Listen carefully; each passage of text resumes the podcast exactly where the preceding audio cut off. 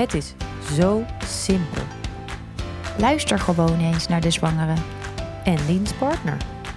Dit is Wijzer in Verwachting. De podcast van Dr. Mama met geboorteverhalen waarin je een echt beeld krijgt van wat de geboorte inhoudt. Voor jou. In elke aflevering ontvangen we nieuwbakken ouders die hun verhaal met ons willen delen. We duiken het verhaal dieper in en ontrafelen gevoelens en gebeurtenissen. En tevens slaan we een brug tussen de ouders en de medische wereld. Wij zijn Brechtje En Meerte. van Dr. Mama. Artsen die je echt goed voorbereiden op de geboorte.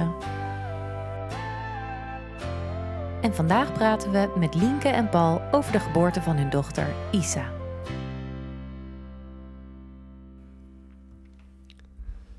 Geboorte Isa. Een donderdagavond al zoveel. Ik ben bezig in de keuken en doordat jij het wel heel erg vaak over de bevalling hebt de laatste dagen, denk ik na over een overdracht voor werk. Die ga ik deze avond nog schrijven. Ik zit aan de eettafel iets te checken op mijn computer. Al de hele week heb ik last van veel meer afscheiding. Ik verlies steeds druppels en druppels en draag hier daar ook al dagen inlegkruisjes. Ik dacht eerst dat dit vruchtwater was, maar volgens de verloskundige is dit niet zo. Wel een teken dat mijn lichaam zich aan het voorbereiden is voor de bevalling. De baarmoedermond is al wat aan het verweken. Ik loop terug naar de keukentafel als ik opeens weer wat voel druppelen. Maar nu zijn het meer dan druppels. Jeetje, wat wordt dit nu erg, denk ik nog. Oh, wacht. Het lijkt nu wel alsof ik in mijn broek plas. Nee, dit is geen plas. Ik kan niet stoppen. Dit zijn mijn vliezen. Om acht uur zeg jij op kalme toon, ik kan je namelijk niet zien, mijn vliezen breken. Je haalt jezelf nog steeds kalm en rustig. Mijn vliezen breken. Ik sta op en loop met mijn broek tussen de benen door naar de keuken waar jij niets vermoedend bezig bent met het eten voor de dag erna en roep heel rustig: Mijn vliezen breken. Mijn vliezen breken. Voor mij een teken om toch maar even te kijken nadat ik de keuken schoon heb. Wat zou ze nou precies bedoelen? Ik zeg het tweemaal: Mijn vliezen breken. Maar je lijkt het niet helemaal te beseffen. Als je een seconde daarna met je broek op je knie in de keuken staat met brekende vliezen, giert de adrenaline door mijn lijf. Ik kijk je aan en zeg dat ik toch echt een bak nodig heb om het vruchtwater op te vangen. Ik moet het opvangen. Shit, hoe? Jij grijpt een grote 10 liter schoonmaakermer. Ik moet lachen en zeg dat dat niet helemaal lekker tussen mijn benen past en vraag om een kleiner bakje. Oké, snel een bakje dan. Het stroomt als een malle, dus er is echt genoeg om op te vangen. We vangen het op en kijken ernaar. Dan naar elkaar met de realisatie dat er nu toch echt gaat beginnen. We kijken elkaar vol ongeloof aan. We pakken de informatie van het geboortecentrum erbij om zeker te weten dat de baby nu echt komt. Ondanks dat we dit gewoon weten, lijkt alle kennis van de bevalling een paar seconden volledig vergeten. Daarna komt het besef. We worden ouders. We geven elkaar een dikke kus en een knuffel. We worden nu echt ouders, zeggen we tegen elkaar. Waanzinnig. Daarna snel de praktische zaken regelen. We bellen de verloskundige omdat we niet zeker weten of het vruchtwater helder is. En ik schrijf mijn overdracht die nu echt nodig is. De verloskundige laat ons weten er met een uur te zijn. Ik spring onder de douche, want ik loop nog steeds leeg. Voor de verloskundige er is, bel ik nog even met mijn broer. Maar ik vertel hem nog niks. Als ik de bel hoor om 9 uur, een uur later, verzin ik een smoesje dat ik moet plassen, zodat ik ophang en de verloskundige binnen kan laten. Dianne vertelt ons de stappen en zegt dat het goed is om goed te rusten nu het nog kan. Uitgerust zijn bevordert namelijk de weeën. Ze ziet namelijk ook een kookboek liggen in de keuken en raadt me dus af om uitgebreid nog een taart te gaan staan bakken. De rust is snel teruggekeerd. Jij bent erg relaxed en er hangt een gezonde spanning van blijde verwachting. Ik vraag de verloskundige nog expliciet tot hoe laat ze werkt. En omdat ze tot 9 uur ochtends werkt, verwacht ik niet dat we haar nog gaan zien. Om half elf beginnen we nog aan een film, maar merk dat ik een wat rommelige maag krijg. Voor we aan de film beginnen neem ik nog wat te eten. Nog even energie innemen voor de bevalling, denk ik. Maar later blijkt dit niet zo'n goed idee. We kijken een gedeelte van Wreck-It Ralph en besluiten rond half twaalf te gaan slapen. Ik vraag aan je om lekker met me in bed te gaan liggen, om nog even te knuffelen en rustig te worden. Daarna val je al snel in slaap. Ik concentreer me op mijn ademhaling om rustig te zijn, maar merk dat die rommelige maag toch echt weeën zijn die langzaamaan sterker worden. Doordat het zo donker is in de slaapkamer, kan ik in alle rust en concentratie de weeën wegademen.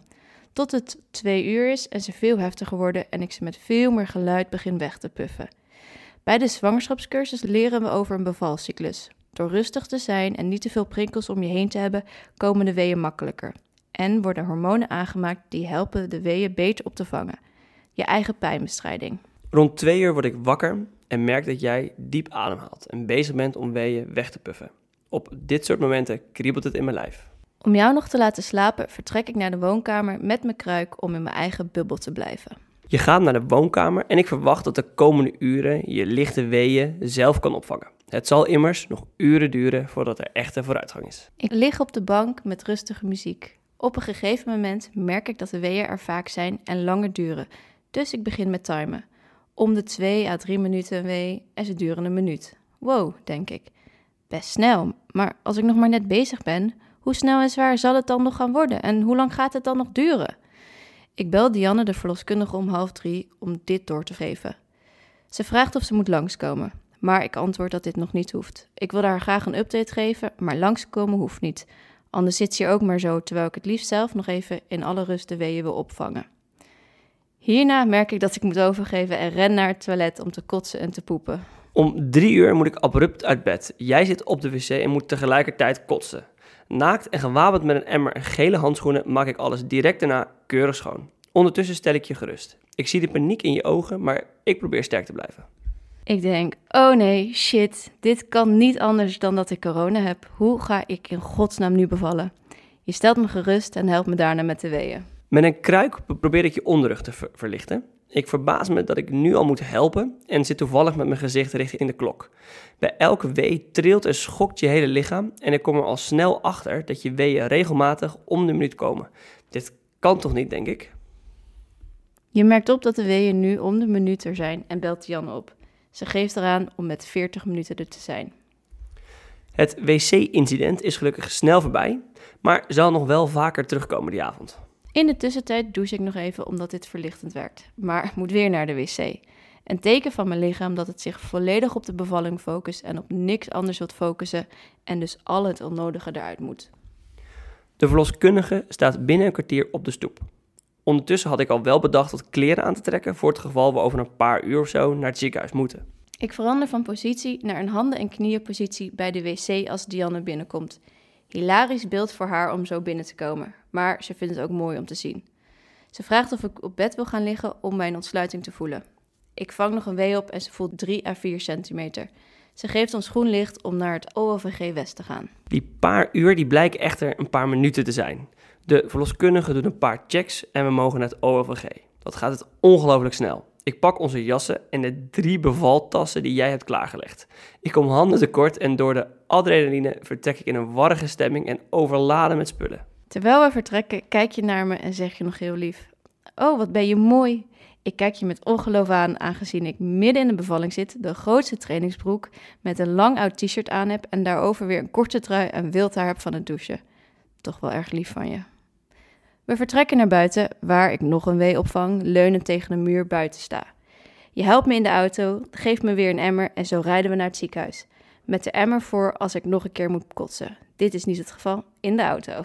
Het autoritje is daarentegen erg relaxed. Het is rustig op de weg en we zeggen niks. Aangekomen bij het ziekenhuis ondersteun ik je naar de juiste afdeling.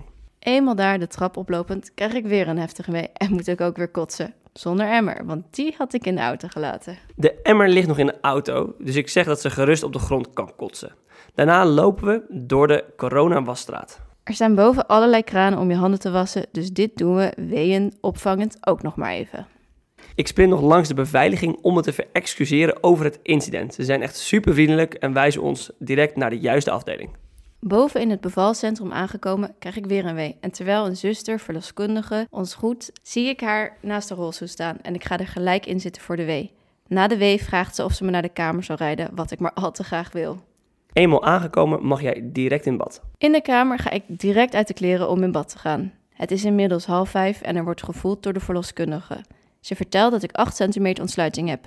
Dit kan ik me niet meer helder herinneren, maar het is dat jij me achteraf hebt verteld. We worden goed ontvangen en de verloskundige biedt aan wat eten voor me te halen. Echt een perfecte timing, want ik heb in de auto aan bijna niets anders gedacht. Jij zit naast het bad en support me goed.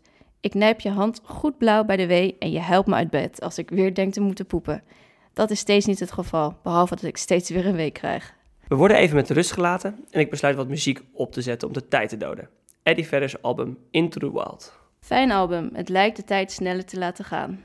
Op meerdere momenten, thuis en nu, terwijl ik in het bad zie zitten, overvalt de emotie me. Ik slik mijn tranen weg en zeg tegen mezelf dat ik nu sterk moet blijven. Ik ondersteun je door je aan te raken, te strelen en ik regel druivensuiker en koele washandjes. Op een gegeven moment voelt mijn lichaam heel anders aan en merk ik dat ik persweeën krijg. Ook dus door een andere soort poepdrang en een andere druk daar beneden. Ik zeg tegen jou, ik heb persweeën, ik moet nu persen. De rust wordt verstoord als we na nog geen uur, wat echt voelde als minuten, jij met grote ogen zegt: Ik heb persweeën. Ik val half in het water als ik aan het rode koord trek om de verloskundige erbij te halen. Nu begint het echt. De verloskundige is er snel en ze voelt nog eenmaal. Nu om half zes. Niks 10 centimeter ontsluiting. Nee, ze zegt gelijk: Ja, ik voel het hoofdje al. Isa wil er wel heel graag uit. Nu wordt het pittig, want ik mag nog niet persen. Ik moet de weeën wegpuffen. Mega zwaar, want mijn hele lichaam neemt het over en is al half aan het persen. De eerste keer dat de verloskundige meepuft om jou te helpen, voelt het wat gek. Iets houdt me tegen om als een gek mee te puffen. Maar bij de eerstvolgende wee is alle schaamte weg. We puffen soms met z'n drie als een gek mee om jou aan het puffen te krijgen. Om tien over half zes mag ik dan persen. Geen idee hoe en wat, maar ik pers een duw met alle kracht. Op bepaalde wee denk ik nog, nu duw ik door, kom er maar doorheen. Het is toch wel eng, want je weet dat je iets gaat forceren door iets kleins. Maar dan laat ik deze gedachte toch maar compleet los, want ik wil dat ze eruit komt. Ik blijf je aanmoedigen, geruststellen en geef aan hoe goed je het doet. En wat zie je er prachtig uit. Het hoofdje is al heel snel zichtbaar en een week later zie ik een bos met haar en roept dat ook. Wat een ervaring. Ik pers en voel haar hoofd er doorheen komen. Net niet helemaal, dus pers er nog een beetje door en dit zorgt ervoor dat haar hoofdje er helemaal door is. Na een oerkreet komt het hoofdje naar buiten.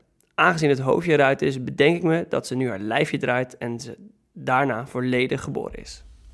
Nu is het belangrijk dat ik een wee wacht en niet doorpers, zodat ze even een momentje heeft om goed met haar schouder mee te draaien.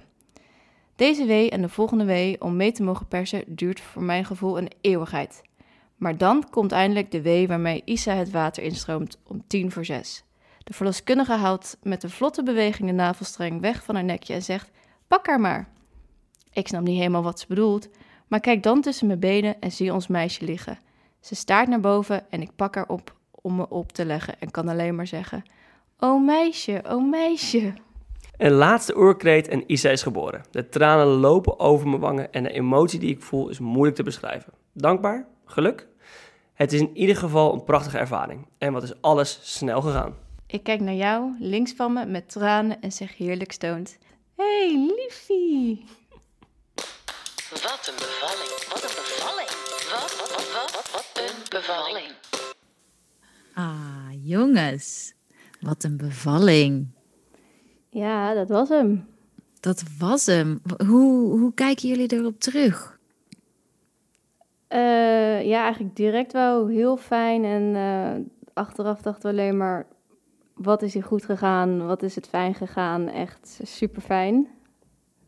Ja, het ging vooral heel snel. Was mijn, eh, ik had me een beetje voorbereid op het ergste. En een verhalen van mijn broer gehoord. Ik denk, nou, dat gaat wel even duren en zo. Maar eh, ja, niks minder waar. Paul zei gelijk na een dag, dit wil ik nog een keer. Dit doen we gewoon nog meteen weer. Oh, briljant. Oh, serieus? Ja, ik denk dat mijn adrenaline nog een beetje eh, door mijn lijf gierde die dagen. Dat weet ik, weet niet, maar... En dacht jij er ook zo over, Lienke? Of dacht je, nou... Nou, ik dacht wel van, ja, heel positief. Maar ik zat niet meteen nou, eh, let's do it again. maar wel gewoon eh, ja, heel positief voor. Dus ja. Ja, en je zegt, het ging eigenlijk sneller dan verwacht. Want je, het beeld wat je jezelf voor had gehouden, vooral jij Paul, was nou, dit gaat uren duren. Je zegt het ook een paar keer in het verhaal van, oh, nou dan zien we haar niet meer. Oh, nou dan ga ik nu nog slapen. Ja, ja, sowieso kwam denk ik de meeste dingen wel een beetje als een eh, verrassing. Omdat natuurlijk ook gezegd was door, eh, door onder andere Meerte natuurlijk in de, in de cursus. Van joh, weet je, verwacht maar niet dat zoals in de film je vliezen eerst eh, zullen breken. Ja, dat gebeurde natuurlijk bij ons wel, heel klassiek. en daarna duurde het nog eventjes voordat het begon. Ik denk, nou ja, dan, dan zal alles nog wel heel erg lang duren. Ja, en die wegen waren het zo snel ehm, binnen een minuut. Dat weet je, alles kwam als een hele positieve verrassing steeds. Echt, weet je, ik werd blij verrast. Want dan beter dat het super snel en goed gaat. Dan dat je echt daadwerkelijk eh, duimen zit te draaien. Dus eh, ja, dat, ook dat maakt denk ik de ervaring wel, eh, ja, wel heel prettig voor ons beiden. Ja, mooi is dat. Het is- is ook een beetje verwachtingsmanagement naar jezelf. Horen we ook echt wel heel vaak. Dat je toch de hele tijd jezelf een klein, klein beetje probeert voor te houden van... Ah, dit, dit is het nog niet, of dit kan nog niet het hoogtepunt zijn... of het wordt vast nog veel erger. Ja, Ja. precies. Want dat had ik ook elke keer in gedachten van, nou ja, het kan sowieso nog 48 uur duren voordat het, dat ze er echt is. Want ja, je, je hoort wel eens verhalen. Dus ik dacht alleen maar, als ik gewoon van het ergste uitga, kan het alleen maar tegenvallen. En nou, dat, dat was het zeker uiteindelijk. Meevallen. Meevallen, ja, meevallen. Ja, nou ja, nee. het, het kan natuurlijk ook wel omgekeerd zijn. Dat als het opeens zo snel gaat, dat je je daar ook ergens wel op ja, bij moet steunen. Hoe zeg je dat? Ehm, je moet wel zo meebewegen. Het valt natuurlijk in het positieve mee. Dat is wat je heel duidelijk zegt, Paul. Ehm, maar was het ergens nog een fractie te snel? Nee, nee, eigenlijk niet. Ja, eigenlijk gewoon perfect. Was- Ja. Ja, Ja, het was, het was ook niet binnen twee uur. Daar hadden jullie volgens mij ook voor gewaarschuwd. Als het echt binnen twee uur is, dan schrik je echt. Ja, we hadden natuurlijk wel nog een beetje de klassieke fases dat hè, de, de verloskundige nog langskwam en we nog naar het ziekenhuis rustig konden en daar nog eventjes de tijd hadden. Dat was maar, maar heel kort. We hadden steeds wel eventjes van, konden wennen aan een nieuwe, nieuwe situatie, om maar zo te zeggen. Ja. Ja, en die overgangsfases waren gewoon ook gewoon goed. Dat je nou eerst de weeën of de, de vliezen braken. Nou, en dan even rustig wachten. En dan, dan komen de weeën rustig op, maar meer een rommelige maag. Dus even in bed liggen. Nou, en dan worden ze sterker. Nou, dan op een gegeven moment naar de bank. Daar wat opvangen. Overal een beetje opvangen. En dan mag je op een gegeven moment naar het ziekenhuis. Dus dan heb je even de autorit. En dan uiteindelijk in bad. Dus je hebt elke keer wat fases. En ik denk dat dat gewoon heel fijn was. Omdat je dan steeds weer een nieuw stukje hebt. En daardoor dus ook elke keer die centimeters langzaamaan gewoon met afleiding ehm, groter worden. Hey, en eh, Paul, jij zei dus kennelijk binnen 24 uur. Oké, dit wil ik morgen nog wel een keer doen. Ehm, hoe, hoe voel jij je in je, in je rol? Want oké, Lienke, Lienke heeft het dus gedaan. Maar dit wil ik nog wel een keer doen. Dat, dat zegt wel iets over. Er zat ook power in jouw rol. Ja, ja dat, dat, dat weet ik. Ik vond het gewoon, heel, gewoon een hele mooie ervaring. Dus van, dit wil ik nog, nog een keer doen. Ik weet niet of ik exact, exact die woorden heb gebruikt. Maar wel van, dit vind ik wel echt zo vet. Van, dit, dit zou ik zo weer doen. Dat was, was volgens mij een beetje de, de bewoording die ik had. En ik zou het zo weer doen. Ehm, omdat het gewoon, ja, die hele ervaring om dat te zien en om het mee te maken. Ja, je bent dus vader en je hebt een kindje. En ja, de adrenaline die dan non-stop voortkwam. Ja, dat, dat, dat vond ik wel heel vet. En nou, ik hou ook wel van dingen regelen. En dat is natuurlijk gewoon Ja. bij uitstek de, de rol die ik hier ook had. En die ook heel chill kon vervullen. Dus ja, dat, dat, dat, dat paste wel eh, heel goed eigenlijk. Want heb je je ook ergens eh, machteloos gevoeld in de, in de situatie? Ja, goede vraag. Ehm, nou ja, in, natuurlijk de, in het begin, toen je de weeën kreeg en toen we naar de wc moest. En nou, achteraf hoorde ik dus dat ze dacht dat ze corona had. Dat heeft ze mij toen niet verteld. Want Mhm. nou, ik op zich wel ja, die angst wel bij de weg kunnen nemen. Eh, maar toen gebeurde best wel heel veel tegelijk, ook in het lijf van, eh, van, eh, van Lien. En ja, dat was wel spannend. Want daar ben je dan niet op voorbereid over hoe heftig dat is. En het duurt ook best wel lang en hoort het er dan bij en is het wel goed? En hè, er komt best wel, ja, er moet eventjes eh, heel netjes eh, vocht, eh, vochtverlies bij kijken. En ik, ja, weet je, dat, kan dit wel? Ze moet nog, hè, ik had ook weer in mijn hoofd, ze moet nog echt uren door. Dus, dus eigenlijk heb je juist die voeding en die energie nodig, lijkt me. Ja. Ehm, dus, dat, dus dat was wel spannend. Ja. En uiteindelijk bleef ze zelf wel heel erg relaxed, wat, wat, wat dat ook wel makkelijk maakte. Maar ja, ik weet niet of het machteloos wil om, omschrijven, maar dat was wel eventjes schakelen. Zoals het sowieso denk ik de hele tijd ook wel schakelen was. Want we hadden ook, ook, natuurlijk ook voorbereid. Maar toen ook die vliezen braken, zijn we toch nog eventjes de papiertjes van de verloskundige erbij aan het pakken. Van, ah ja, dit betekent nu dus daadwerkelijk dat nu de bevalling begint. Als je vliezen gebroken zijn, dat het binnen 48 uur, 48 uur er is. En dat wisten we echt gewoon donders goed. Maar ja, Ja. we waren gewoon, ja... Blackout. Ja, ja, ja, je hebt die blackout en ik denk, gebeurt het ons echt? Terwijl we toch ja, op aan het wachten waren die zin. Dus eh, ja. En dan kun je dus terugvallen op bepaalde dingen die je, eh, die je letterlijk in je handen hebt, die je geleerd hebt, of eh, die je nog op een briefje even, om jezelf nog een keer te bekrachtigen van, oh ja, we're doing it en we doen het op de juiste manier. En, en dan ga je ervoor. Ja, ja 100 procent. We hadden ook dat, dat, natuurlijk dat eh, vruchtwater opgevangen. Dat, Ja. dat- ja, ik weet niet van wie we die kennis hebben gekregen, maar dat, dat wisten we. Eh, ik denk voor jullie eh, gok, gok ik zo. En, en ook daar eh, zag ik, oké, ja, is het dan troebel? Het zijn wel dingen die je dan wel fact-checkt. En eh, waardoor we ook natuurlijk wel ook eventjes de verloskundige hebben eh, gebeld. Al was het maar, we niet, raakten niet in paniek, maar ja, je wilt toch even die zekerheid hebben. En ja, kom er maar even kijken. Ehm, dat, dat geeft, gaf ons denk ik ook wel, kijk ik jou natuurlijk even aan, eh, wel ge- geruststelling dat het is goed en we doen de juiste dingen en het gaat goed met Lien. En ja,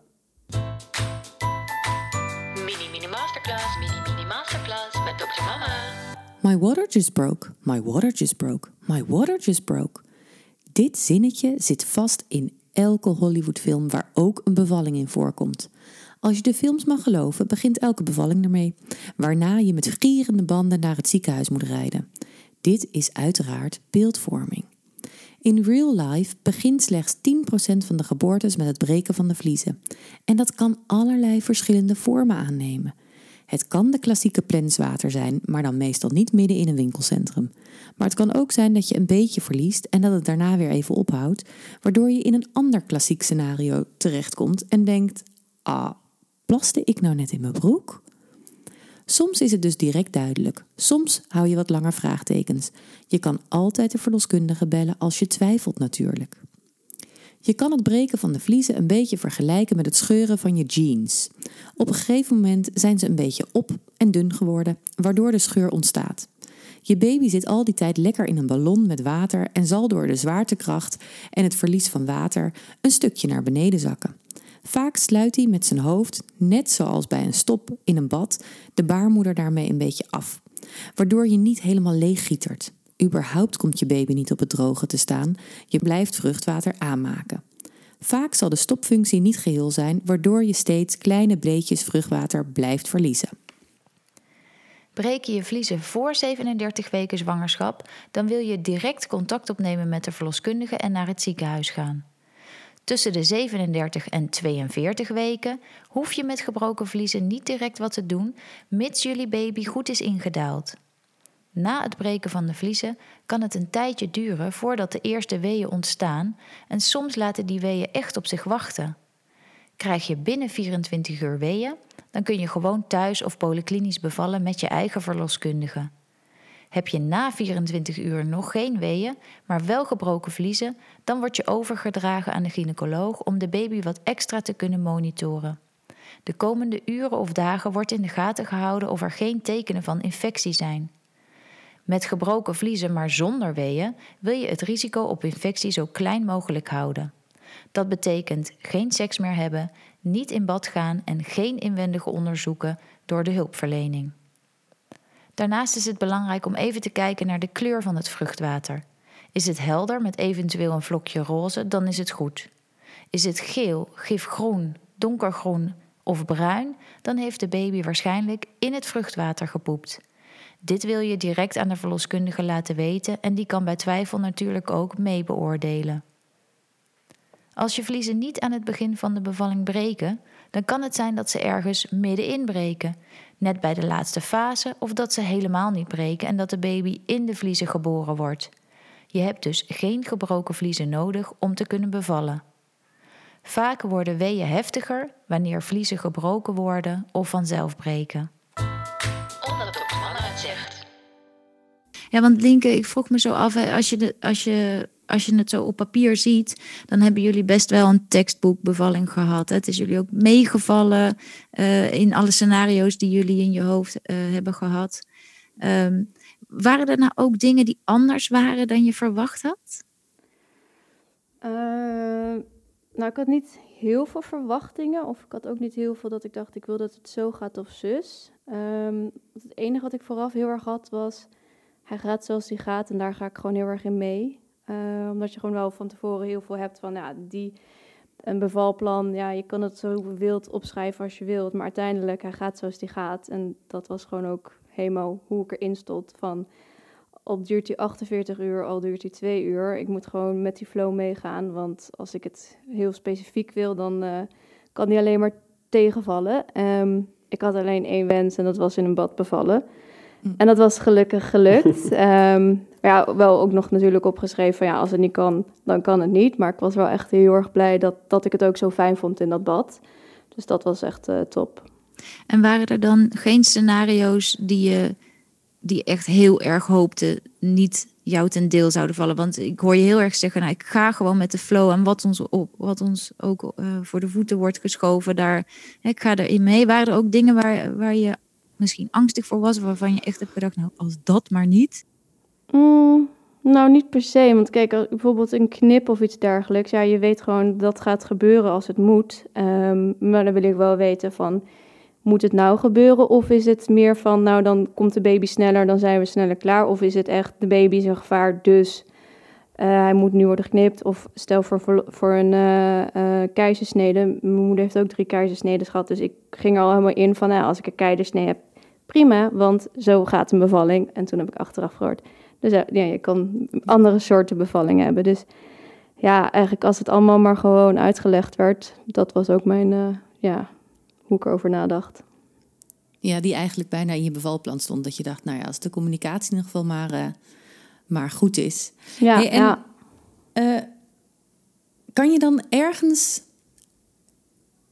duiden waar dat vertrouwen vandaan komt? Is dat iets wat gekomen is tijdens, die eh, tijdens de zwangerschap of had je dat altijd al?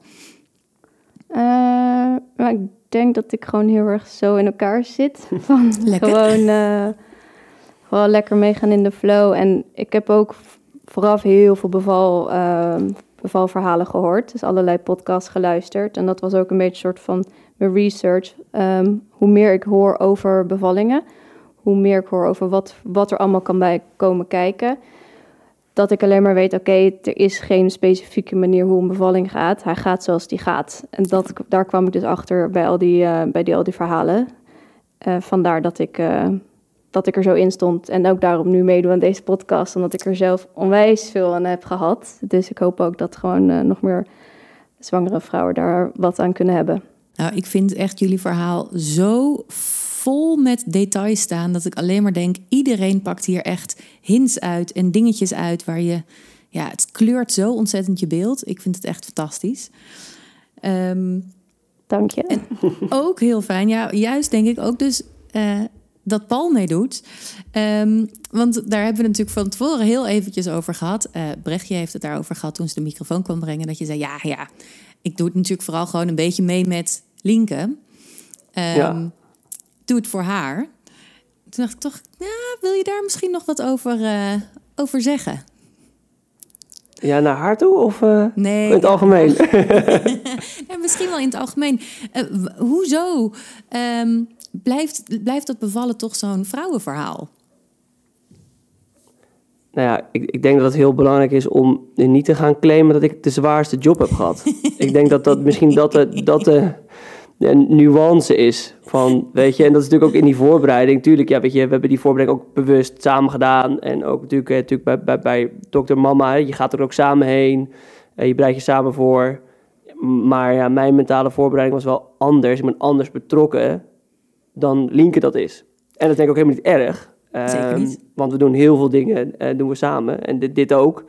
Alleen ja, zij heeft nog wel eventjes de, de prestatie nog even wat meer moeten leveren dan dat ik dat heb. En ja, weet je, voor mij was het een ja, nachtje slaap en heel veel energie. En ik had ook alleen maar meer energie ervan gekregen dan het me kostte. Ja. ja en eh, ja, niemand had Linker verteld dat na de bevalling, wat er dan allemaal op, op je te wachten stond. En Ja. dat dat best zwaar is.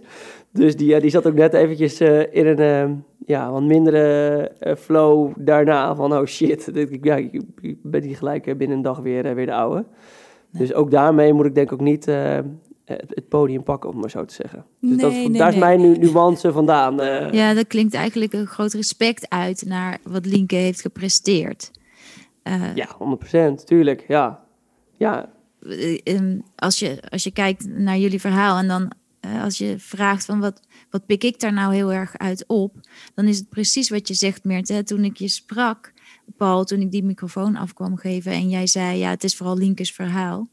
Ehm, eh, dan vind ik het juist zo mooi dat als je het verhaal dan vertelt, dat je heel duidelijk hoort, eh, als je daarnaar luistert, dat jouw aandeel en jouw betrokkenheid zo enorm zijn geweest. Ik denk dat jij dat ook kan beamen, Linke, toch? Heb je het ook zo ervaren?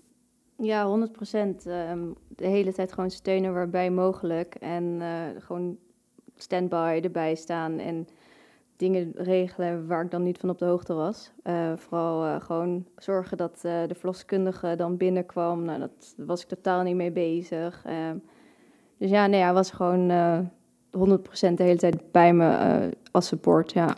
Ja, en ook leuk dat het dus ook bij jullie beider kracht past. Want jij bent van gaan met de flow en ik heb vertrouwen en wat er ook op me afkomt, ik ga erin mee. En je hebt een soort overgave. Eh, en jij, Paul, bent misschien veel meer van de controle en het regelen. Dat, je zegt ook dat is mijn kracht, maar dat komt hier dan ook echt perfect uit. Want omdat jij controle houdt en regelt en organiseert, kan jij alles loslaten en flowen en gaan.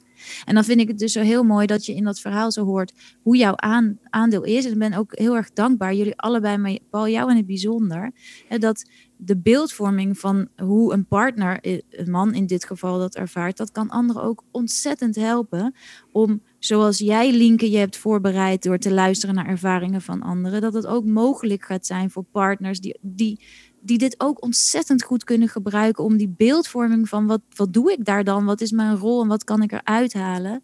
En vooral dat laatste, wat kan ik eruit halen. Ik hoor je allerlei hele mooie dingen zeggen. Dan ben ik echt dankbaar dat je dat ook wilt delen. Ook al zeg je met respect voor Lienke, zij heeft het grootste aandeel, het grootste stuk van het verhaal is van haar. Ja, en ik denk ook, ehm, want ik heb natuurlijk al die bevalverhalen eh, geluisterd. En ik verwacht ook niet dat Paul dat ging doen, want dat hielp mij gewoon. Maar dat, dat hij dus gewoon wel vol enthousiasme elke keer meeging naar Dr. Mam, naar die cursus. Ja, dan heb je toch elke keer weer dat je erachter, daarachterna lekker erover kletst. En dan ehm, nog even daar in detail over kan nadenken. Dus ja, dat, dat heeft ook heel erg geholpen volgens mij. Dat je daar daardoor dus veel meer kennis kreeg. Ja, het is ook wel leuk om te doen. Maakt ook wel een soort van avondje van. Ik had even uit eten van tevoren. Even, ja, gewoon even samen het erover hebben. En ja, het maakt het misschien wat, wat tastbaarder daardoor. Dat je er wat meer samen dichterbij komt. Dat heeft natuurlijk even zeker geholpen, 100%. Ja. Nou, supermooi. Echt heel leuk. Ja, wat ik eh, uit het verhaal haal, heb ik natuurlijk stiekem allemaal al gezegd. Want ik wilde helemaal gaan dwepen met ah, de liefde en het vertrouwen en samen enzovoort. Maar oké, stiekem heb ik die complimenten al gegeven. Dus wat ik eh, net heel erg duidelijk hoorde in het verhaal, is dus de, de waanzinnigheid. Je noemde ergens al, ja, die bevalcyclus, daar wil je proberen in te komen. En daar heb je het over eigenlijk in die nachtelijke uren, als je eh, je heel erg nog in je eigen kokonnetje probeert te concentreren. Maar ehm, de verloskundige is er op een bepaald moment en die toucheert en die voelt 3 à 4 centimeter. En vervolgens gaat natuurlijk alles heel snel in de auto enzovoort. En ondanks dat daar dus een enorme adrenaline rush eigenlijk op is, want dat is altijd als je naar het ziekenhuis gaat, ben je in het ziekenhuis door de wasstraat heen, stap je dat bad in en zit je dus op 8 centimeter. Wat ik zo waanzinnig indrukwekkend vind, is dus binnen dat uur waarin het ja, de, de focus eigenlijk weg is op hoe moet ik me nou ontspannen, hoe moet ik hiermee doorgaan, heeft dat lichaam het dus zo hard overgenomen dat welke adrenaline spurt dan ook dit niet meer had kunnen keren. Dit ging gewoon vlammend tot het einde en dan dus in een bad, ja, dan gaat de vioolmuziek ook wel aan hoor. Ja, en als ik er nu ook wel zo hoor en over nadenk, ik denk niet dat Linke ook met iets anders bezig is geweest dan gewoon bevallen. Dus ook, laat me zeggen, eh, het autoritje, eh, nou, even dan even kotsen op de trap in, in het ziekenhuis. ja, dat zijn dingen die overkwamen er ook. Maar de, ja, die is daar niet bij stilgestaan. Die heeft alles gewoon, ja, die was non-stop in zo'n bubbel. Dus Ja. ik denk dat voor mij de adrenaline en het regelen er meer was dan dat het voor Linke was. Die liet zich gewoon maar, ja, nou, we- we gaan nu die kant op, fijn. Maar ik ben hier nog wel steeds met mezelf bezig. Dus als ik dat terugdenk, denk dat dat misschien ook wel geholpen heeft. Ja, want ik wist ook dat, dat jij er was om alles voor de rest te fixen. Dus die drie bevaltassen en eh, whatever, de auto fixen. Ja, dat is de grootste tip. Echt. Neem gewoon één, één tas mee. ik weet dat het voor heel veel mannen moeilijk zoeken is. Daarom hadden we er ook drie, dat ik altijd precies wist in welke tas ik voor wie moest zijn. Ja, het is echt niet handig. Het is echt niet handig. ik, ik vroeg me ook af, wat neem je dan mee? ik kan het gewoon niet bedenken. Ja, nee, het waren ook niet, het niet veel spullen. Dat was gewoon spullen voor mij, spullen voor Lienke en spullen voor Isa. Dus hadden we in drie tassen, want ik vind dat heel moeilijk om iets in haar tas te vinden. Dus dan als ik dan snel wat moet hebben, weet ik zeker, oké, het is voor Isa, bam, die tas, voor haar, deze tas. En nou, heb ik zelf tijd, dan nou, zitten voor mijn tas nog dingen. Dus vandaar dat er drie tasjes waren met die lange koorden en nog de jassen. En ja, de emmer en de verloskundige en lichten uit en deur op slot. Dus ja, dat, dat is ja, gewoon één tas waar alles in zit. Makkelijker. Ik raad het iedereen aan. Dat moest ik nog verplaatsen in het ziekenhuis op een gegeven moment. Dus nee, toen ging weer het hele verhaal zo verder. Het was wel wat relaxter, want ook Isa voor de man, dus deed de, de, de zuster. Maar dan moest wel alles, eh, alles, alles, alles zoeken, weet je wel. Dus nee. Nou, toptip. ja, niet veel spullen, maar we dachten heel praktisch. Kan ik, al, kon ik alles regelen, maar ja.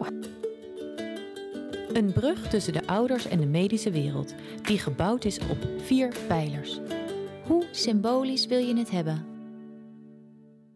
Het gaat niet zozeer om de wijze van baring, eh, de, hoe lang het duurt, hoeveel pijn je ervaart. Het, eh, het, om iets te kunnen zeggen over hoe heb je het beleefd, gaat het om, heb je je gesteund gevoeld? Was er een goede communicatie? Werd je meegenomen in de beslissingen die jou aanging, ook emotioneel? En komt de realiteit enigszins overeen met je verwachtingen? Ik denk dat we al deze punten eh, ja, met, met jullie in dit verhaal heel mooi hebben kunnen uitlichten. Ehm, Absoluut. Ik, ik, ik, zeg maar binnen het verhaal denk ik zelfs. eh, Je hoort, zeg maar, als je het hebt over de communicatie met de hulpverlening, dan komt dat heel kort eventjes langs over de telefoon, wanneer je erin ligt enzovoorts. Maar ik heb het idee dat de verloskundige heel erg op de achtergrond is geweest en jullie heel erg met z'n tweetjes heeft gelaten. Klopt dat? Ja, zeker. Ehm, er was zelfs nog een tweede bevalling eh, in het ziekenhuis waar ze mee bezig was. Ehm, maar volgens mij is er niet zo heel vaak bij ons geweest. Of wel gewoon te kijken of het goed ging. Maar ehm, had ze eigenlijk eh, niet zoveel bij ons te doen, als het ware. Ja, nee, en ze, ze heeft ons op een gegeven moment ook echt bewust even alleen gelaten. Ze hebben dat ook dat, dat album eh, gaan luisteren. Want ik dacht, ja, weet je, we zitten toch, toch zo lang, de muziek is vrij. Dus eh, laat, laten we dat doen. Ze is best wel lang weg geweest. En af en toe kwam ook de, dat was een, een, zuster, denk ik, of verpleegster. Ik weet niet hoe het, wat de titel precies is.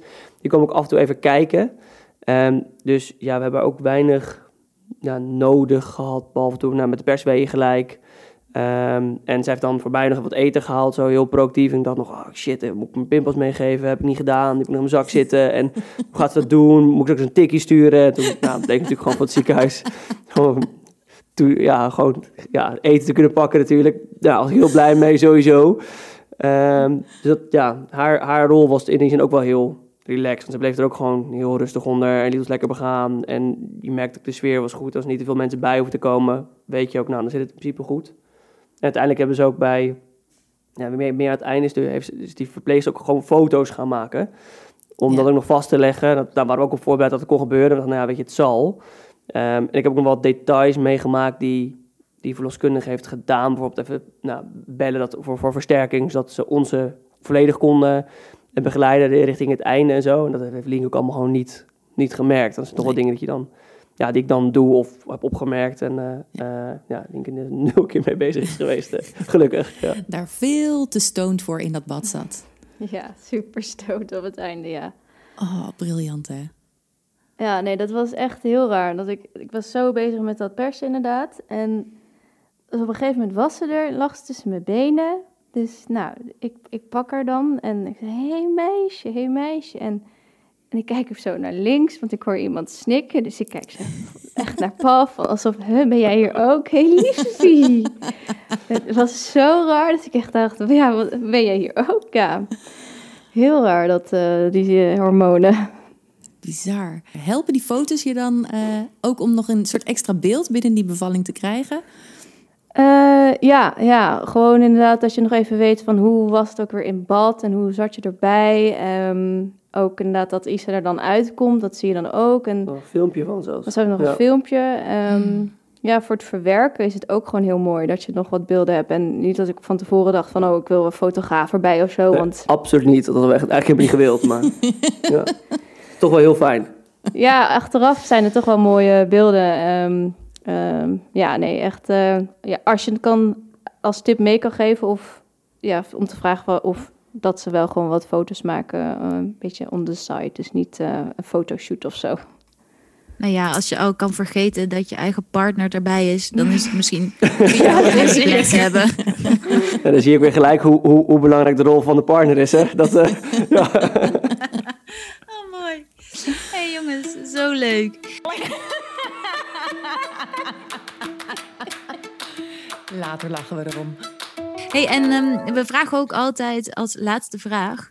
eh, later lachen we erom. Zijn er nog dingen waar jullie heel erg om hebben gelachen? Of waar jullie achteraf misschien om moeten lachen? Of wat het altijd goed doet op feesten en partijen om nog even te vertellen? Nou, ik vond denk ik wel, ehm, toen ik zo in paniek naar de wc zat, dat Paul eh, not fully dressed eh, met gele handschoenen aankwam en een emmer om eh, even te assisteren. En wat vind jij? Ja, ja, Ja, top daar nog maar eens overheen. ja. Ja, ja, nou ja, kijk, achteraf ik sowieso, weet je, dat, dat je in het ziekenhuis bent en midden in de nacht, ja, dan toch maar, ja, daar op die trap gaat kotsen en dan zat ze maar, dat ik nog snel even zo naar die bewaking ga, helemaal zo, oh, sorry, ja, die, zei, die reageert natuurlijk tuurlijk relaxed, was best wel ondaan. Ik denk van, ja, kut zeg, dat, ja, dat hadden we toch anders moeten regelen. Ja, er zijn best wel veel momenten achteraf geweest, denk ik, die, waar ik echt wel om, eh, om moest lachen. en, en jullie vroegen net ook nog, Alinke, van, weet je, waar was je nou op, niet op voorbereid? En toen zat ik ook te denken van, ja, we hebben van tevoren ook nog met de verloskundige en, ehm, en, en, een gesprek gehad. En er is onder onder ook besproken van, ja, stel je voor dat er dan geen plek is. Hè? Geen bad kan natuurlijk een optie zijn, maar ook geen plek. En, en niet in Amsterdam, niet in het OVG, dan ga je daarheen, daarheen. Dus ook permanent nog ehm, eh, besproken. Van ja, de grote kans dat je dan daarheen gaat. En dat, nou, ik denk dat voor veel mensen die in Amsterdam dan wonen, dat er wel een redelijke verschrikking is. Met alle respect naar, eh naar eh, per permanent toe. Maar toen zei, toen zei ze ook bij dat er dus nergens wordt bijgehouden ehm, wat je opgeeft als, eh, Nee. als partner. Dus ja, mocht dat, mocht dat gebeuren, had ik ook op bedacht, ja, dan doe ik dan misschien toch Amsterdam of misschien zelfs wel Arnhem, waar ik dan zelf vandaan, vandaan kom. Gewoon puur als soort van ja, geheimpje of, of grapje naar mezelf. Daar moet ik zeggen, zeggen dat ik daar ook nog wel om kan lachen. Maar heel blij dat eerste keuze overgewest in het bad, dat dat hem gewoon eh, eh, ja, geworden is. Met, eh nou, het hele verhaal erbij. En je hebt het paspoort gecontroleerd, Linke, van eh, Ja. Isa, dat daar niet Arnhem staat. Nee, het is toch echt een Amsterdamse. Oh, mooi. Oh, briljant. Ja, dat nee, beeld in ieder geval van die gele handschoenen dat gaat nooit meer van mijn net. Nooit meer. Alsjeblieft, schat. Ja, da- daar zijn trouwens geen foto's van. Dus, eh, Ah, nou ja, ehm, heerlijk. Daar, eh, daar dank ik vast voor. en, eh, en ook heel erg bedankt eh, voor dit gesprek. Echt eh super vet. Nou ja, dat jullie inderdaad in alle ins en outs... eh, gele handschoenen, rode koordjes trekken... kotsen op een trap, eh, dit allemaal hebben willen vertellen. Dankjewel. Ehm dit was weer een heel mooi eh, geboorteverhaal. Ehm, waar je ons een heel groot plezier mee kan doen, is een recensie te schrijven over deze podcast en met sterren te strooien. Want hoe meer mensen deze podcast horen, hoe beter we worden in echt luisteren. Wil je een cursus volgen bij Dr. Mama? Je vindt onze cursussen online. Heel erg bedankt en volgende week is er weer een nieuwe aflevering.